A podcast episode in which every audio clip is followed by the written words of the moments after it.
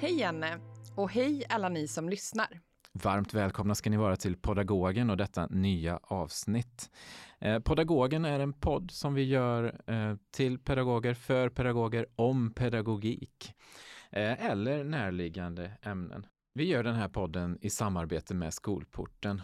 Eh, vi gör den för att vi vill sprida färska forskningsresultat och vi gör det genom att vi träffar och intervjuar och samtalar och pratar om färsk forskning i form av färska doktorsavhandlingar. Och målet med den här podden är att vi ska försöka bli någon slags brygga mellan akademin och verksamma pedagoger och människor som är intresserade av pedagogik och pedagogiska frågor. I dagens avsnitt så kommer vi att hantera ett ämne som vi har velat beröra länge, eller hur Sofia? Ja, och det här ämnet är vänskap. Och jag tänker att vi ska ta tillfället i akt och fundera lite på det här med vänskap. För jag tänker ju att vi är vänner, Janne. Men så tänker jag också att är det bara jag som tycker det? eller, eller är vi vänner? Tycker du det? Eller hur ser du på vår relation? Ja, men absolut. Vi är definitivt vänner. Um, vi är kollegor, vi är vänner, vi är träffas privat och vi umgås inte bara i jobbrelaterade situationer. Vi, jag har besökt eh, ditt sommarställe och gjort det till en Absolut. tradition att bemöta, åka dit varje sommar. Ja. Ja, men för det här är just det som är så svårt med vänskap, tänker jag. Och eh, som vi gärna vill eh, prata mer om. För att vänskap kan ju vara någonting som eh, är väldigt individuellt. Att man känner känslor och, och, har en känsla av att vi, som till exempel Janne och jag, att vi är vänner.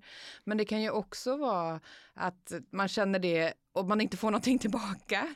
För att det är ju väldigt, betyder ju väldigt mycket olika saker för olika människor. Och det görs ju också i relation till andra. Vänskap är ju något som hela tiden görs tillsammans med andra, vilket också gör det svårt. Och vänskap skiftar över tid. Jag menar när vi träffades från början så började vi ju lära känna varandra och sen så övergick ju våran relation till vänskap och nu är du en av mina närmsta vänner och det är ju också intressant att vänskap kan förändras. Den utvecklas ju men den kan ju också förändras att vi skulle ju kunna bli ovänner och vi skulle kunna sluta alltså våran vänskap skulle kunna bli ytligare och ytligare och att, att vi liksom dras ifrån varandra. Och det här är ju något som är väldigt spännande och som alla behöver hantera. Inte bara barn, utan också vuxna hanterar ju de här relationerna med vänskap och eh, vänskapsrelationer kanske också förändras från att ha vänskapsrelationer som barn, då ser det ut på ett sätt när man är väldigt liten som min, min yngsta dotter, hon ska hem till en kompis idag och hon är superlycklig för att det är så häftigt att hon har vänner som hon kan gå hem till efter förskolan. Och min, mitt andra barn, då ser det annorlunda ut. Där hans vänskap liksom skiftar över tid och det är föränderligt och det har förändrats under alla de här åren. Och, och som vuxen sen så ser det ju också väldigt annorlunda ut där vänskapen fyller en delvis kanske annan funktion. Ja men precis och det kan skifta över tid precis som du säger. Och, men det kan också skifta väldigt mycket mellan olika människor och olika behov. Man har, somliga har bästisar ja. eh, medan andra eh, umgås eh, inte lika specifikt med en person i taget utan kanske har massvis med vänner medan andra har mycket närmre och mindre antal vänner. Och, och, som sagt skiftar mellan personer och över tid och någonstans så måste man ju också lära sig hur är jag som vän och vad behöver jag ha utav mina vänskapsrelationer? Mm. Och en person som har forskat om det här ämnet och som har gjort det eh, utifrån att studerat vänskapsrelationer på en högstadieskola är Lina Lundström och vi träffade henne för att ta reda på mer om hur vänskap och vänskapsrelationer kan se ut. Och kan vi inte lyssna på det samtalet? Jo!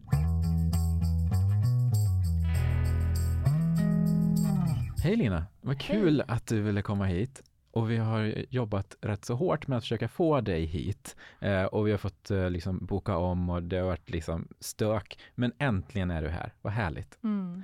Eh, och du har skrivit en avhandling mm. som heter Att göra vänskap, en kultursociologisk analys av högstadieelevers sociala relationer. Mm. Och vi brukar i de här samtalen börja i den änden. Har du lust att förklara din avhandlingstitel?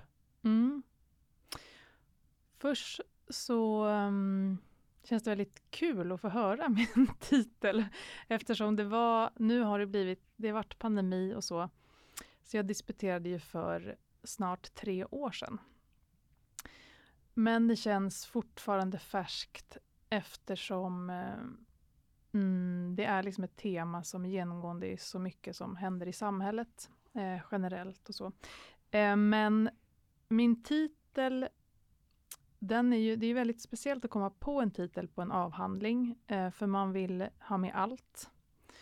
Och eh, varför jag valde min titel var ju just det för att det kändes viktigt att poängtera att den utgår från att vänskap är någonting som vi gör.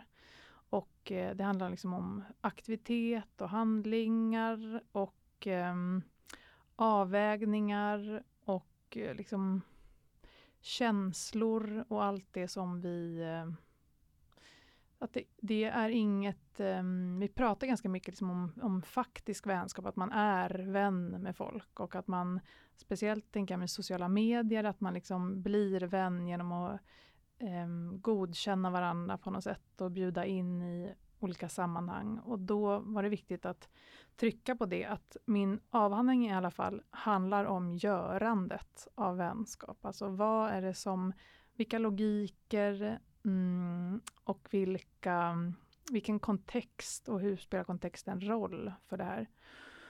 Och att det är en kultursociologisk analys är just därför att det blev uppenbart i de här elevernas interaktioner att det som jag då kallar för kultur, alltså det som vi skapar och de normer och regler vi skapar i sam, eh, samröre med varandra eh, kan hjälpa oss att förstå vad som blir möjligt och inte möjligt att göra eh, i den kontext där de finns.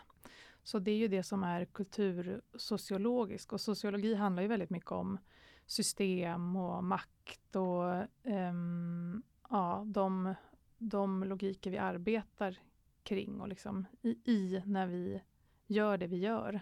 helt enkelt. Så Det var för att lättare förstå. Och, och ingången egentligen varför det blev kultursociologi från början var för när jag satt med min handledare och vi skulle komma på, jag samlade ju då min, eh, min empiri under tre terminer i en högstadieklass. Och sen hade jag extremt mycket material. Jag tror jag hade över liksom, ja, knappt 200 timmars videoinspelningar och eh, 50 intervjuer och eh, en extremt massa fältanteckningar. Och då vill man ju liksom ha en röd tråd i det här. Eh, och då försökte liksom min handledare locka ur den här röda tråden ur allt liksom kaos som jag hade i, mitt, eh, i min hjärna och i mina tankar. Men då var det en specifik scen kan man säga i min avhandling som, som blev avgörande och det var när jag skulle berätta om, eleverna befinner sig ganska ofta i ett, liksom ett uppehållsrum.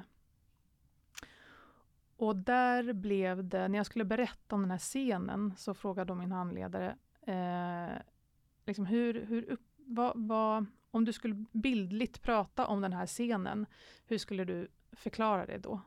Och då var det väldigt tydligt att det var en scen och det var åskådare. Och det var liksom um, de här begreppen kom till mig senare, men liksom, uh, det blev tydligt att det är liksom ett, att vi håller på med drama, det är ett socialt drama. Uh, och det blir väldigt enkelt att förklara det i de termerna, att använda scen och publik och rekvisita och manus utan att för den skulle säga att någonting är förutbestämt eller manus är skrivet i, i förväg så, så blev det liksom väldigt användbara termer. Just när liksom scen och teateranalogierna eh, blev mitt i prick. Mm. Ja, vi kommer återkomma till det här med kultursociologi och vad det kunde bidragit med lite längre fram. Men jag tänker, vi, vi uppehåller oss lite till vid omslaget.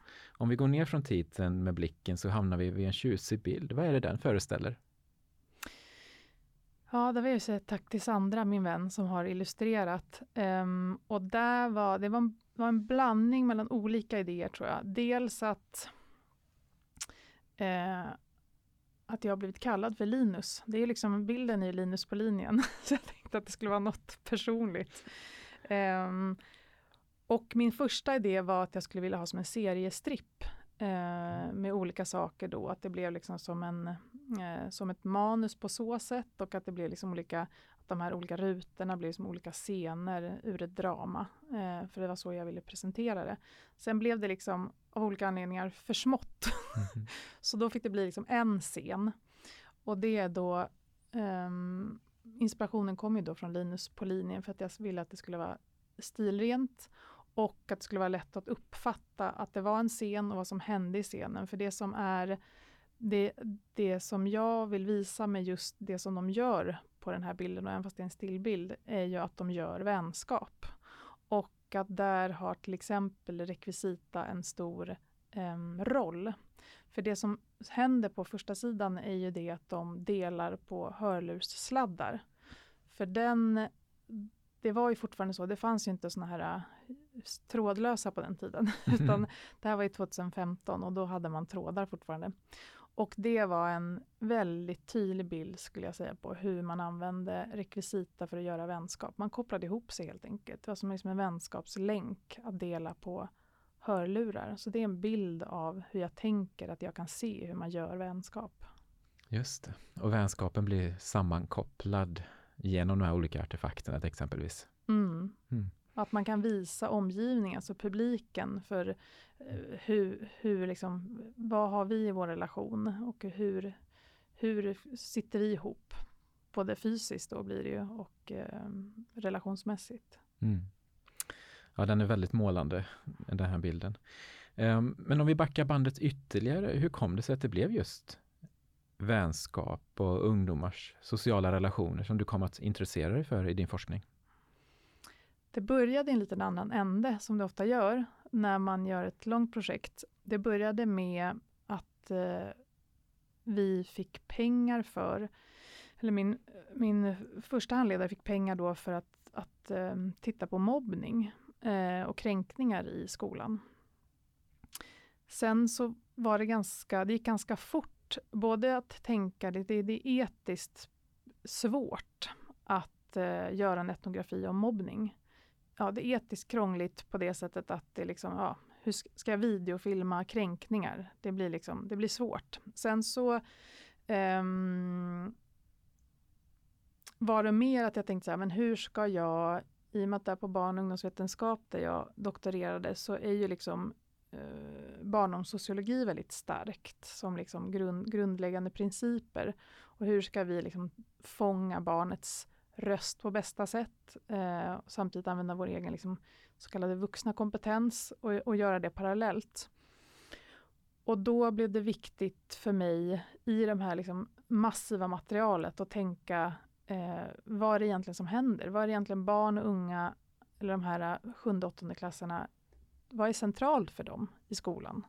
Um, jag skulle kunna haft ingången liksom, kränkningar och mobbning, för jag tänker det tycker vux, vuxenvärlden, vi vill ha svar på det. Varför mobbas det? Varför sker kränkningar? Eh, så det är ganska mycket ett vuxenperspektiv. Sen är det klart att barn och unga inte vill bli kränkta i skolan och det har de ju rätt att inte bli. Men um, jag försökte liksom vara så nära det, liksom, elevernas perspektiv som det gick. Och där blev det väldigt mycket tydligare att de koncentrerade sig, de hade en innan, annan ingång till kränkningar, relationer generellt. Liksom. När blir det konflikter? När blir det... Och då tyckte jag att jag kunde se liksom, att om jag hänger upp det på begreppet vänskap så kan jag fånga väldigt mycket av det som, som händer. Det är ju inte det, det var inte de som sa till mig, vänskap är viktigt för oss. Utan det var ju det jag liksom såg och kunde lägga ihop ett och ett. Att vänskap blir centralt i allt de gör, i skolarbete, i rastverksamhet, i eh, ja, men deras liksom vardag i skolan. Så då blev det mer utifrån liksom deras perspektiv att vänskap blev ett väldigt bra ingångsbegrepp för att förstå det som hände. Mm. Just det. Och du har samlat in 200 timmar video och en hisklig massa intervjuer och observationer. Var det mm. svårt att komma de här uh, ungdomarna nära in på livet? Mm. Nej, det var det inte. det, var, det var, jag tror att jag hade de förväntningarna mm. att det mhm. skulle bli svårt, för det var många som sa det. Och det var som forskar, liksom i forskarutbildningen så läser man ju mycket kurser kring liksom, eh, hur man ska designa sin forskning på olika sätt, vilka metoder man ska ha så.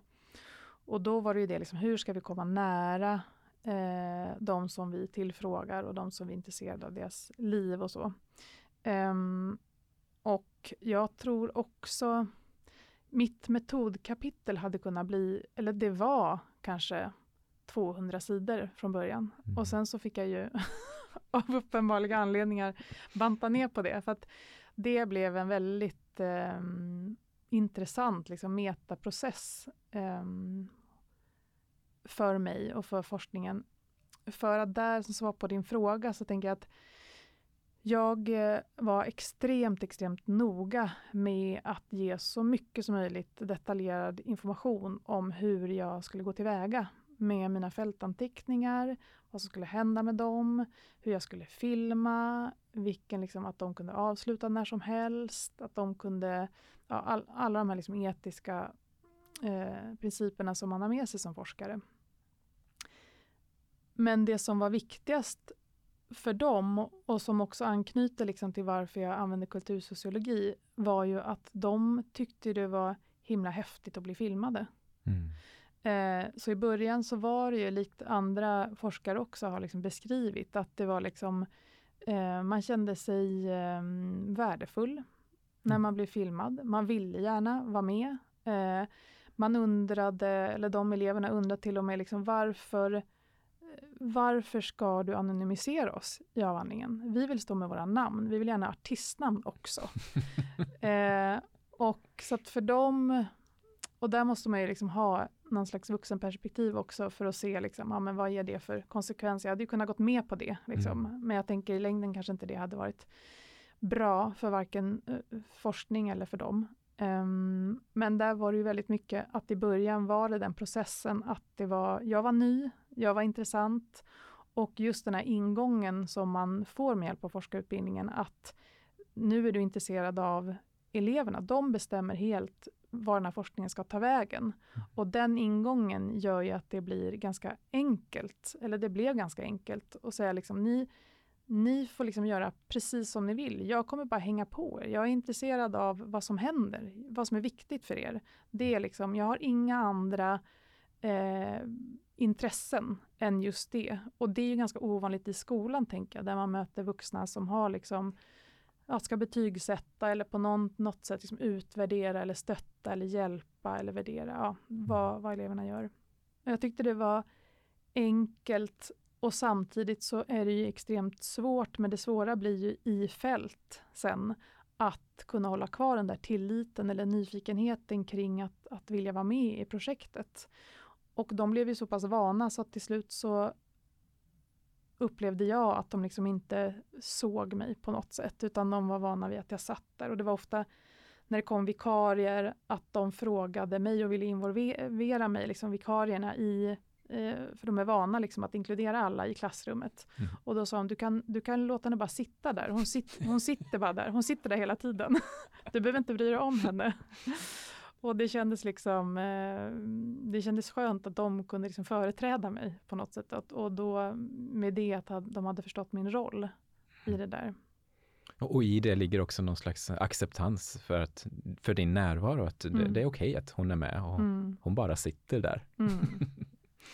ja, eh, nu är du en, någon, någon, slags expert på det här med högstadieelevers vänskapsrelationer. Och vad har du själv för relation till vänskapsrelationer på högstadiet? Har, har villkoren för vänskap förändrats sedan du och jag gick på högstadiet på 90-talet? Jag tror en sak som har förändrats, eller som jag blev ganska varse om när jag fick vara med dem, var ju att Ehm, jag upplevde att kunskapskraven har ökat väldigt mycket. Alltså att det blir en större del i vänskapandet än vad jag upplevde när jag gick på högstadiet. Um, för det pratades om i relation till liksom, vänskapandet på ett sätt som var nytt för mig. Och med det menar jag att liksom, dels att eh, man prioriterade till exempel, många prioriterade att plugga istället för att vara med sina kompisar. Det gick ut över vänskaper och det gick ut över vänskapsrelationer på olika sätt. Eh, och också att skolan är liksom um, väldigt då resultatfokuserad på ett annat sätt upplever jag än när jag gick på, på högstadiet. Vilket gör att det, liksom, det blir nivågrupperingar, det blir gruppindelningar som är då indelade utifrån liksom, hur, hur nära man är målet i kursplan till exempel. Eller i, um, ja, hur nära man är målen för kursen. Och det, uh, det skapar vissa förutsättningar för vem och hur man kan vänskapa på olika sätt. Och det är liksom en, en tes som jag vill driva i avhandlingen också, att i och med att jag tänker att det är hela det här sammanhanget som påverkar vår, våra möjligheter eller omöjligheter att vänskapa, så, så har liksom kunskapskraven blivit, tänker jag, en större del av vänskapandet än vad det var när jag gick, som jag upplevde det när jag gick på högstadiet. Och sen så, alltså det där är ju också färgat, man måste ju alltid vara liksom självreflektiv som, som forskare och jag kom ju från en, en lärarsläkt. Jag hade inte svårt för mig i skolan. Så på så sätt så, så kanske jag tänkte att, att kunskapskraven inte var så närvarande i mina vänskapsrelationer. För att det som också eleverna säger i de här intervjuerna och när jag är med dem är ju att de har ju knäckt koden för vem skolan är till för. Alltså de har ju förstått att för oss är det enkelt, för vi har de här förutsättningarna. Och det skriver jag också om att just det där att kan det hända att vänskapsrelationer kan bli svårare för de som har liksom mindre förutsättningar för att klara kunskapskraven. Alltså det blir så mycket fokus på att man måste plugga, man måste komma i fatt. Man kanske också har liksom skuld eller skamkänslor för att man inte är den elev som skolan vill att man ska vara. Eh, och det tar en massa tid från att vänskapa. Mm. Eh, och, och, och, just den liksom, ja den det sättet att tänka, det hade jag liksom inte alls med mig på högstadiet själv. Så det var någonting som, som överraskade. Eller som, alltså som, som kändes som en förändring från när jag gick på högstadiet. Mm. En fråga som jag har förberett här som kommer lite längre fram egentligen. Den, den, den, det står så här på pappret. Kan vänskapsrelationer stå i vägen för pedagogers undervisning? Men här är det snarare att det är tvärtom, att det är själva undervisning eller kunskapsmålen som i väldigt stor utsträckning påverkar vänskapsrelationerna. Mm. Jag ska säga att det är liksom åt båda hållen. Eh, och att det finns ju liksom det är, inte jag, det är inte jag som har sagt det i min forskning, men, men som jag citerar, liksom just det här med att ibland kan det vara så att lärare på grund av massa olika omständigheter kan tycka att vänskapsrelationer står i vägen för kunskapsinhämtning. För att det är ju så otroligt mycket relationellt arbete i skolan som eleverna håller på med och som man som lärare inte får tid eller möjlighet att, att varken förstå eller att använda sig av. Eller att kunna se det som en naturlig del av liksom inlärningssituationen. Så att jag tänker att där, i och med att skolan har blivit, om man tittar liksom 20-30 år tillbaka, så är den så extremt relationstät för att, den, för att vi har gjort den så. För att det handlar om man ska kunna samarbeta, man ska kunna stå inför grupp, man ska liksom, vi har förstått att relationer är en väldigt viktig del av kunskapsinhämtning. Och det tänker jag så här, det kanske inte, vad innebär det då för lärandet i klassrummet? Där har vi kanske inte riktigt förstått. vi förstår att det har stor inverkan, men hur och vad? Och det är väl lite det jag vill lyfta också med avhandlingen, tänker jag. Hur kan vi förstå det då från det här perspektivet? Mm. Och vi vet att vänskapsrelationer betyder väldigt mycket för ungdomarna förstås. Eh, och, men kan du säga någonting om vilka funktioner som vänskap egentligen fyller för de här ungdomarna?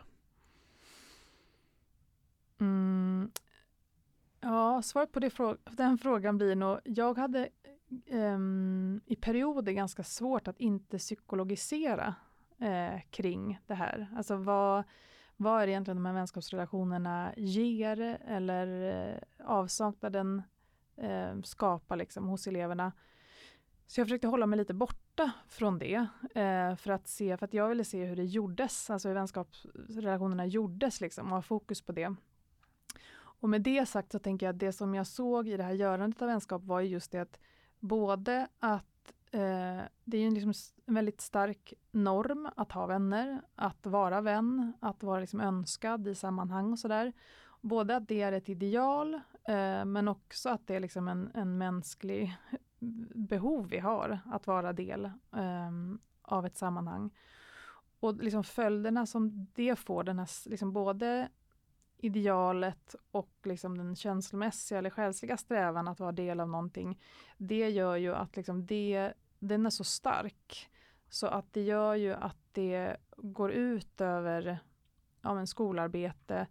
Det, det är också det som att i och med att om man, om man riskerar att hamna utanför det här vänskapandet så krävs det väldigt mycket insatser eh, på olika sätt. Och där tänker jag så här, där, där, kanske skolan skulle kunna ha en större del. Att vad, vad finns det då för, utan att bli liksom för teknisk, men vad finns det för, vad, vad gör vi för att skapa de här vänskaperna? Och hur ser systemen ut?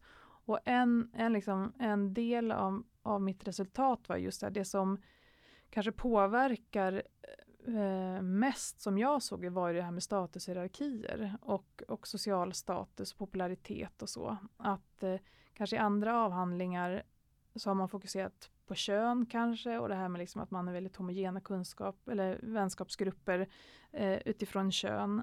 Eh, jag tyckte ju att jag såg att det var det, det starkaste var just det popularitet och, och vilket liksom, vilken social status man tillskrev varandra. Eh, och då blev det också ett väldigt liksom, aktivt arbete kring hur ska man hur ska man då förhålla sig till den här statushierarkin och hur ska man, om det är så att man måste vara på samma som jag då hävdar utifrån min forskning, att man ska i den här gruppen, liksom, en del av den vänskapskultur som finns är att man ska vara på samma nivå i statushierarkin för att kunna bli vänner. Och då blir en väldigt stor del då av elever som inte har vänner att förstå sig på den här hierarkin och också att manövrera sig själv i den här hierarkin på olika sätt. Med hjälp av de tecken och de logiker man får när man är i skolan så ska man tolka dem liksom, för att sen pröva på dem och sen misslyckas de och då lär man sig mer. Och samtidigt så, liksom de som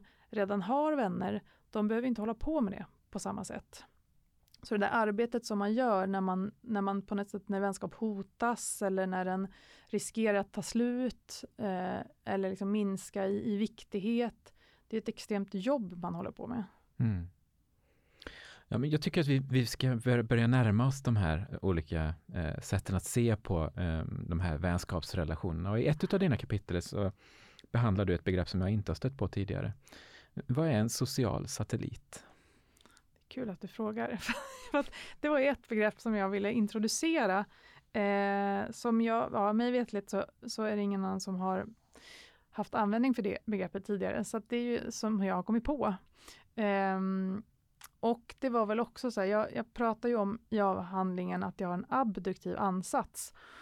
Och med det menar jag att jag liksom lät hela tiden liksom fläta teori och empiri eh, i varandra, så att jag liksom bestämde mig inte för en teori för att sen gå in i empirin eller tvärtom, utan det var liksom hela tiden en pågående samverkan mellan de där.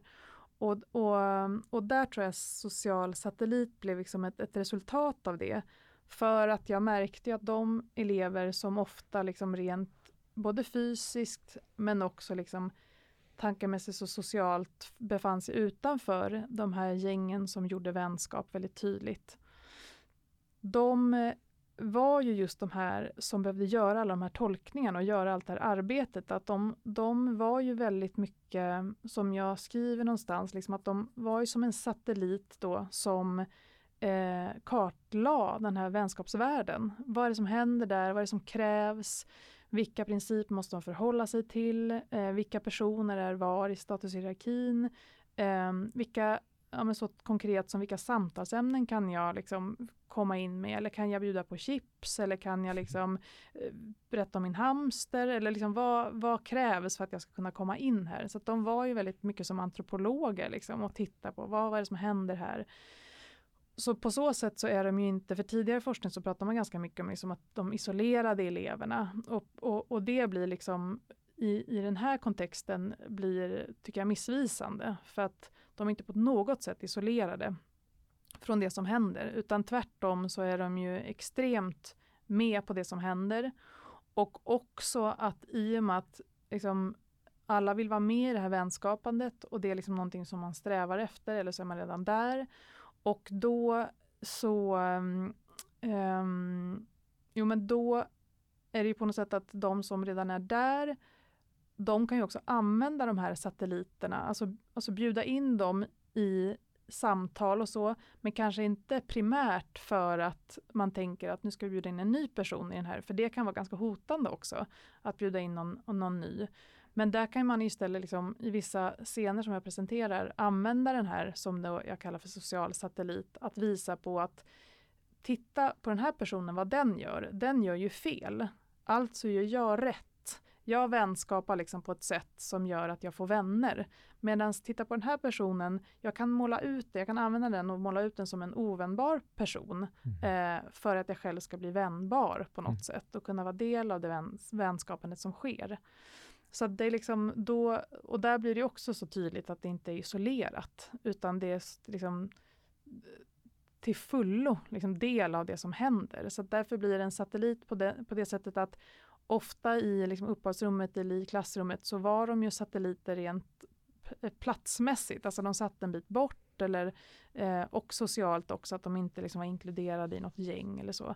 Um, så därför blev det här med social satellit väldigt, um, väldigt passande när jag skulle göra mina analyser.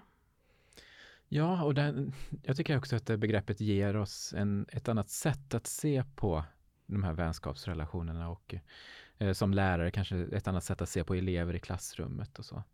Eh, och de här satelliterna, de kretsar kring de här som är populära, som är i centrum. Eh, de lokala kändisarna som du beskriver dem. V vad kännetecknar dem? Um, de lokala kändisarna menar mm. du? Um, ja men där blev det också så användbart, eller det är väl sprunget ur kultursociologin just med de här drama begreppen från dramat, att, att det var ju väldigt tydligt när de kom in på scenen. Alltså där fanns liksom en, lite som man kan tänka i när man tittar på tv, att vissa är väldigt vana att stå framför kameran. Och man ser det. Det finns liksom en, eh, både någon slags eh, självförtroende och också att det här är min plats. Man är självklar liksom i rummet på olika sätt. Och att de platserna fanns ju i både i klassrummet och uppehållsrummet som var liksom de här scenerna där de här populära lokala kändisarna befann sig och de gick ju dit. Det var ingen annan som var där och om det var någon annan som var där så blev ju de bortschasade. Inte kanske fysiskt men de förstod känslomässigt och socialt att här kan inte jag vara för nu kommer den här personen. Liksom. Vi har sopat scenen, nu kommer personen i fråga. Eh, och att de lokala kändisarna tog den platsen var väldigt självklara i det. Men också att det var liksom, i samtal, i rykten, i...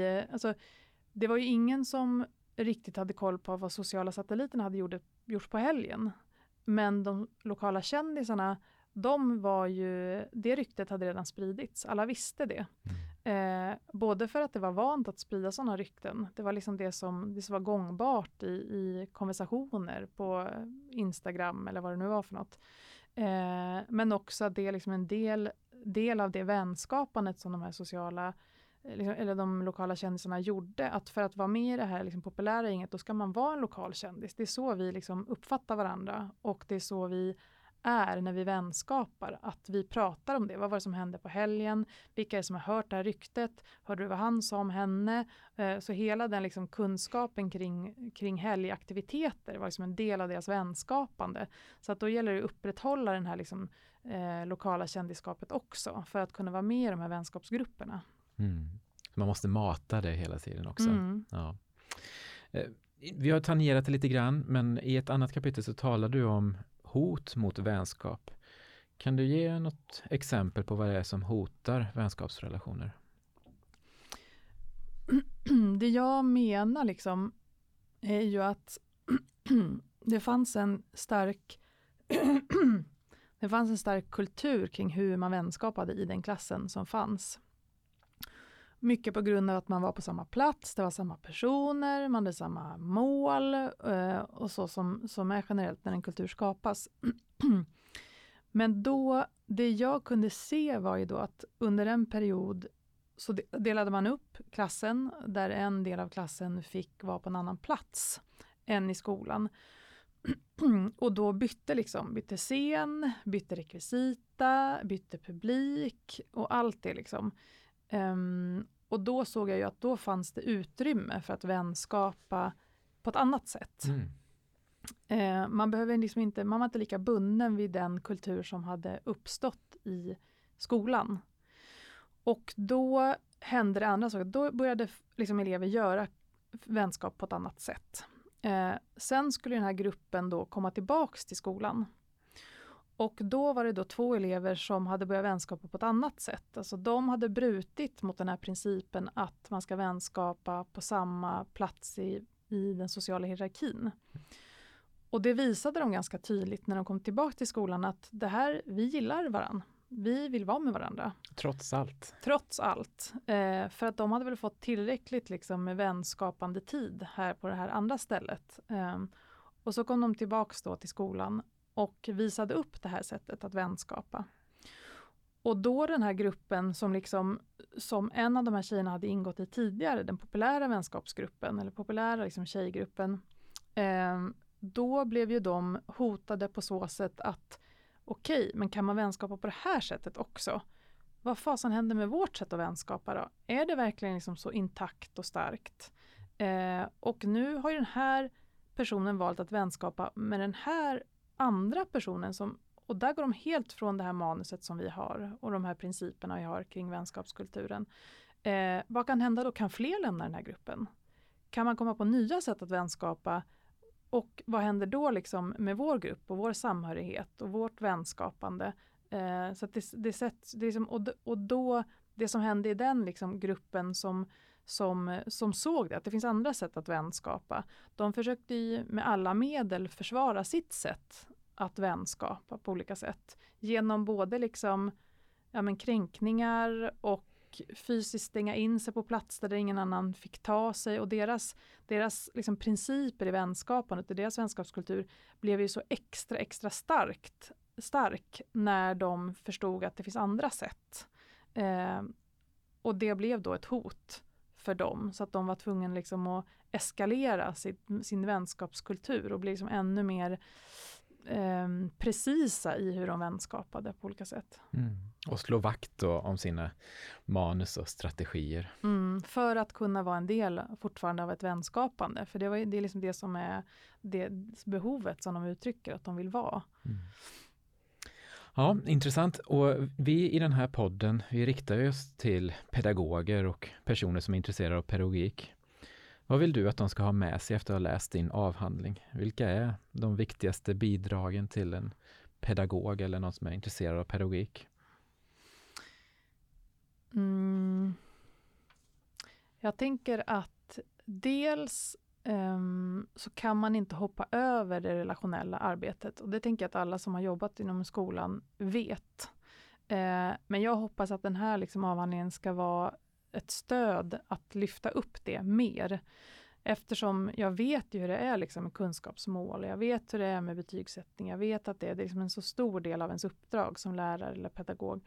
Um, men där att, att, att få en del av den diskussionen kan vara då det relationella och se liksom hur, hur, måste, hur samspelar det där och hur, hur, hur måste vi ta höjd för att det inverkar på måluppfyllning till exempel. Um, och hur kan man ha den um, Alltså jag tänker att det handlar mycket om, om demokrati också, demokratifråga för att om man ska lyssna till barn och elever eh, och de ska vara liksom delaktiga i skolan till exempel eller att vi ska, vi ska se dem som, som de viktiga personerna i sitt liv och att skolan ska vara till för dem så måste vi lyssna till vad som är centralt när de går i skolan och i den här avhandlingen råkar jag ha lyft upp vänskap som väldigt centralt för de här eleverna. Och om man inte tar höjd för att vänskap liksom är så extremt centralt för eleverna eh, så tänker jag att det kan bli, det, det kan bli um, svårt med måluppfyllelse. Um, eller eller man, man kanske inte förstår hur man kommer till måluppfyllelse då, om man inte vet vilken inverkan vänskapande har i till exempel kunskapsinhämtning eller liksom i produktion av kunskap och så i skolan. Just det. Och jag tycker så mycket om att läsa din avhandling. Den har så lättillgängligt språk och det, det, är verkligen en bladvändare. Men om det skulle vara så att nu som lyssnare kanske man är lite ovan vid att läsa doktorsavhandlingar. Var ska man börja i din avhandling? Jag tror man ska börja i... Det beror lite hur man är lagd, om man är filosofisk lagd eller om man är teoretisk lagd eller om man är, eh, om man är lärare eller om man är forskare. Det är lite olika beroende på vem som frågar. Men som, eh, som lärare till exempel, eh, eller jobba i skolan, oavsett roll, så tror jag att man kan börja i, eh, i resultatet, alltså i de scener som, som jag presenterar och sen analyserar. För jag tänker mig att det kan ge både igenkänning, alltså att man att akademisk text är liksom till för att utveckla olika verksamheter som skola eller förskola eller fritids eller så. Och där tänker jag så här, det är ju, det är ju, det är därför jag skriver det. Det är vissa avhandlingar som är liksom väldigt fokuserade på teoriutveckling och man vill gärna liksom ha bättre och vassare instrument för att göra analyser och så. Eh, och på ett sätt kan det ju vara det för att jag vill ta fram begrepp som social satellit eller göra vänskap. Men de begreppen är ju personligen tänker jag att de inte kanske är teoriutvecklande på så sätt utan jag vill ju ge begrepp för att kunna eh, hjälpa liksom den pedagogiska verksamheten eller den sociala verksamheten eller vad man ska kalla skolan för någonting. Eh, så att jag vill ju gärna att, eh, att lärare ska känna, eller skolpersonal generellt ska känna igen sig liksom, i det som, det som jag beskriver. För jag tänker att det liksom eh, och, och, och, sen då få hjälp med en analys som jag har liksom haft möjligheten att göra. Det har man inte som lärare, för det är inte ens uppdrag att göra massa analyser av sociala relationer. Men jag har haft liksom lyxen att få göra det.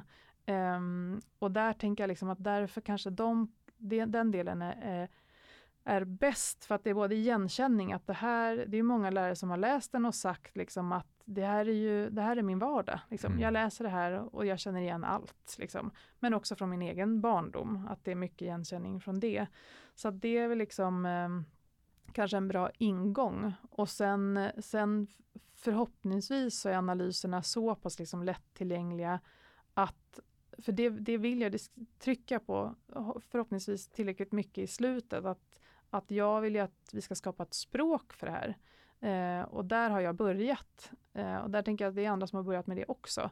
Men att vi behöver begrepp som till exempel social satellit som jag tycker bättre förklarar sociala situationer än vad en isolerad elev mm. gör. Alltså det begreppet kring isolation och sådär. Eh, så begreppen är ju till för att förstå. Det är ett analytiskt begrepp men som ändå tänker förhoppningsvis hjälper praktiker Ja, det tror jag också. Och att man får liksom ett par andra glasögon eller nya sätt att se på grupper, elever, ungdomar idag. Mm. Det tror jag. Eh, vad gör Lina Lundström idag? Ja, jag jobbade kvar en tid på universitetet efter jag hade disputerat. Um, och jag känner mig väldigt hemma där, speciellt att undervisa lärarstudenter i och med att skolan är liksom så centralt och det jag har gjort även innan jag var på universitetet.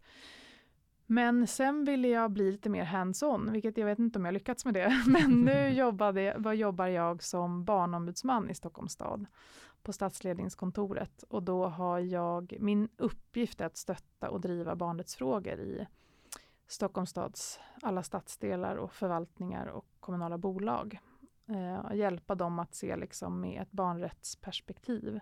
För där är det ju när det gäller forskning och på barn och ungdomsvetenskap så pratar man väldigt mycket om det här barnperspektivet. Eh, ett perspektiv att ha, det är vi vuxna som har samlat, samlat på oss kunskap, samlat på oss kunskap och erfarenheter och forskning och rapporter för att kunna ha liksom ett barnperspektiv. Och sen har vi det barnets perspektiv där man frågar barn och liksom är i direktkontakt för att se liksom vad, vad säger de om sina behov och sina viljor och drömmar.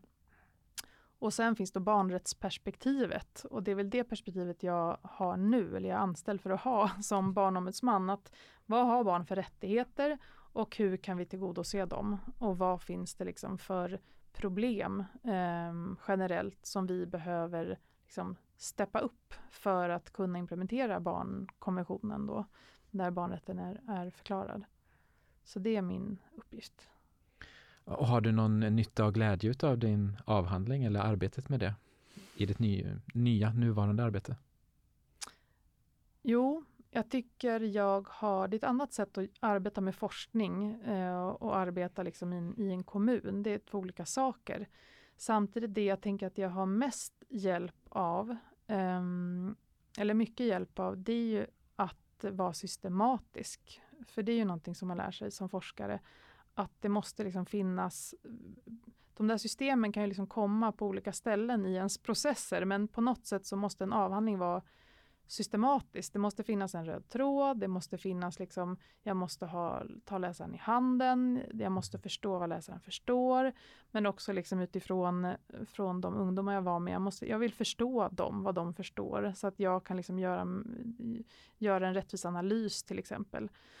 Och det arbetet tror jag har hjälpt mig mycket i det jobb jag har nu. Att vara liksom, ja men vad, um, vad behöver jag förstå för att kunna analysera eller systematisera saker. Eh, för att det ska falla i god jord dels eh, och för att det ska liksom bli kvalitet i olika beslut som Stockholms stad tar till exempel. Vad behöver vi veta och vilken liksom, vilka mm, om när man skriver om tidigare forskning till exempel i en avhandling så är det ju mycket det att man måste begränsa sig men ändå vara att så det här måste jag ha koll på för att kunna bygga vidare på någonting. Eller det här måste jag ha koll på så att inte jag liksom um, också eh, att det, liksom, att det blir en forskartradition kring liksom, ja, men nu har du gjort det här och jag har läst det du har gjort och det har berikat mig i mitt forskningsprojekt och jag vill berika andra. Eh, och den där liksom, um, öppenheten och nyfikenheten tror jag också att det är liksom jag, jag har ingen som helst behov av att säga så här, men det där höll inte jag med om, men det där höll inte jag med om, utan då tar jag ju med det och tänker så här, hur ska jag förhålla mig till det här? Hur kan det liksom hjälpa mig att lyfta min forskning och lyfta andras forskning i sin tur? Så att det blir väldigt på ett sätt um, konstruktivt på något sätt. Att det blir väldigt, liksom, det är klart man stöter på hinder och så där när man håller på att doktorera. Det ska man inte sticka under stolen på. det är liksom, men det handlar kanske mer om analysprocesser. Att vad fasen kommer jag inte framåt för? Varför ser jag ingen röd tråd i det här? Så här. Och den där tänket liksom att man vill se en systematik och en röd tråd. Det tror jag hjälper mig jättemycket i arbetet nu eftersom det är väldigt övergripande och systematiskt. Eh, och behöver vara det. Liksom, för att jag inte, för att Stockholms stad är så extremt stor. Mm. Just det. Var det någonting som du hade önskat att vi tog upp men som vi inte har gjort? Någonting som du hade förväntat dig, men det här kommer vi prata mycket om, men som vi inte har pratat om? Nej, det är bara att jag tycker det är väldigt intressant kopplingen med alltså att man um, just det här stigmat kring ensamhet och stigmat kring mm. Att man ska ha mycket vänner och vara vänbar. Och det var väldigt intressant. Uh, det här kan ni klippa bort sen om ni vill.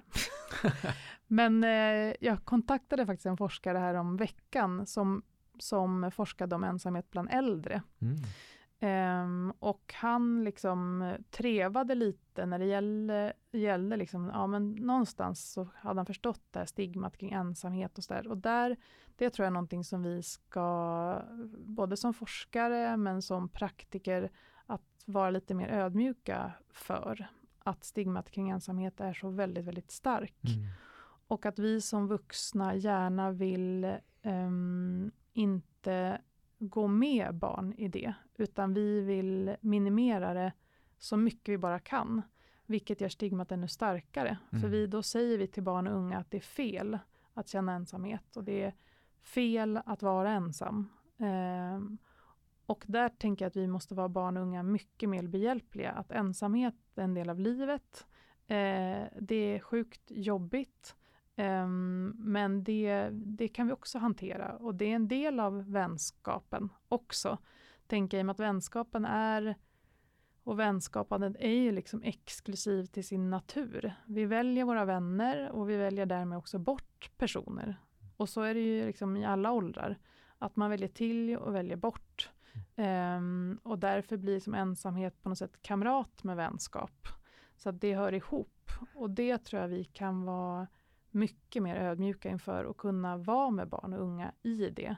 Uh, och inte vara så väldigt ängsliga för det här. Nu har min dotter eller min son eller vem det nu är suttit ensam här över helgen och kan du inte ringa till dina kompisar och vore det inte kul att leka med någon? Mm. Eller, och där liksom där tänker jag att vi, vi stärker upp det här stigmat kring ensamhet. Eh, istället för att utgå från barnet eller eleven eller ungdomen och fråga liksom, hur mår du? Hur känns det?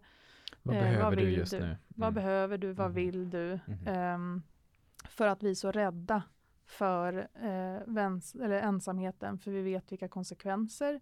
Eh, och det är bra att vi vet det. Alltså, mm. Långvarig ensamhet som är ofrivillig är ju inte bra. Mm. Men det finns inte bara ofrivillig ensamhet. Eh, och vi kan liksom stärka det där stigmat på olika sätt genom vår rädsla, tänker jag. Mm. Ja, den, den, är så stark så vissa människor har svårt att föreställa sig att självvald ensamhet, eh, att, att det finns människor som kan trivas i sitt eget sällskap. Mm.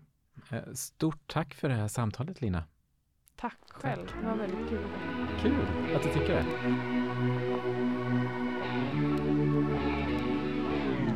Åh, vad det här var spännande, Janne, tycker jag. Jag lärde mig väldigt mycket och också fick många tankar om eh, ens egen, eller mina egna erfarenheter av vänskap och olika typer av vänskapsrelationer, inte minst från skolgången och sådär. Nej men verkligen ett spännande samtal och det som sticker ut för mig och som jag skulle vilja prata lite mer om, det är det här med ensamma barn eller ensamhet eller det här stigmat som vi kommer in på i, i slutet av diskussionen här mm. om, om just att få vara själv. Mm.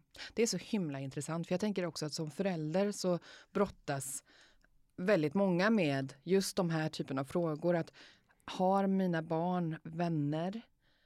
Och i skolan så är ett fokus också på vänskap och att det ingår mer eller mindre i skolgången att man ska ha vänner, man ska vara en god vän.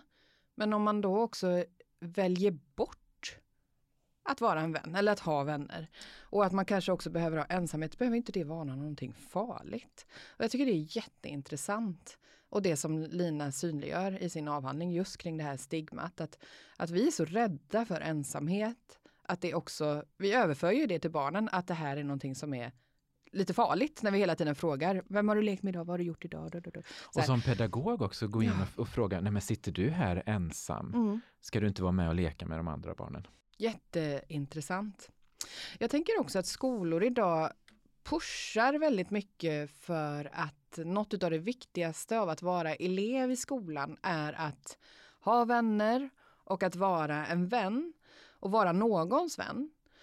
Jag känner inte riktigt igen det från min egen skolgång. Det var någonting som jag tänkte mycket på i det här samtalet. Jag känner inte igen det helt. Att om det var så viktigt eller om det är någonting som har förändrats över tid. Att det har blivit mer viktigt det här med vänskap som en del av skolans arbete. Ja, och det behöver inte vara något fel i det förstås. Jag menar social utstötthet, utfrysning och det finns ju jättemånga negativa aspekter av att inte ha vänner förstås. Mm, mm. Men å, å andra sidan, det som Lina gör här är att synliggöra att motsatsen är ju också lika giltig. Att det kan ja. vara okej okay att inte delta i, i lekarna. Det, kan, man, det behöver inte betyda att man mår dåligt av att välja att vara utanför. Just det. Och jag tänker också att eh, barn idag vet väldigt mycket kring vad vänskap är eller har en definition av det, har en bild av vad det kan innebära. Vilket ju också kan betyda att man kan ha en mycket tydligare idé om när man vill gå bort från vänskap eller när man faktiskt vill välja ensamheten och att det kan vara en styrka. Samtidigt som det klart, såklart är eh, väldigt, väldigt viktigt att synliggöra om någon har en ofrivillig ensamhet eller, eller att man är i en position där man faktiskt inte väljer ensamheten. Och som Lina säger, att som pedagog så kan man ju faktiskt laborera lite med det här, bara med det fysiska rummet som mm. exempel, hur man möblerar och provar olika sätt att eh, med olika vänskaps, möjliga vänskapskonstellationer i klassrummet eller i, utanför klassrummet eh, och utmana de här invanda hierarkierna som ofta finns i, i klasser. Ja, vilket är väldigt lätt att göra kanske i de yngre åldrarna, men som man kan uppleva ett motstånd att göra i de äldre åldersgrupperna. Eh, men där man faktiskt kan eh, göra det enligt, enligt det som Lina också har synliggjort. Och man kan göra det utan att peka ut mm. elever som eh, ensamma eller att de mår dåligt av att vara ensamma. Just, just det. Bryta stigmat. Verkligen. Superviktigt. Och jätteintressant. Ja, och med det sagt så vill vi förstås eh, avslutningsvis slå ett slag för att man ska ta del av den här avhandlingen. Här finns det mycket läsvärt. Vi brukar så här avslutningsvis också passa på att tacka våra samarbetspartner. Vi vill tacka Skolporten. Vi vill också tacka MT Talks och SH Medieproduktion som är med och sponsrar den här inspelningen. Inte minst genom vår fantastiska inspelningstekniker Henrik Christiansen. Vi brukar också så här i avslutet av våra poddavsnitt be om tips. Eh, ni får jättegärna höra av er till oss med tips eller idéer om möjliga eh, framtida poddavsnitt. Finns det något ämne som just du skulle vilja veta mer om? Ja, då skickar ni ett mejl till oss. Eh, kontaktuppgifter finns eh, eh på SHs eh, hemsida, på Podagogens hemsida, på Skolportens eh, hemsida där ni kan få tag på oss. Där kan ni också få ta del av alla våra andra poddavsnitt. Med det så säger vi stort tack för att eh, du har lyssnat på det här avsnittet. Ha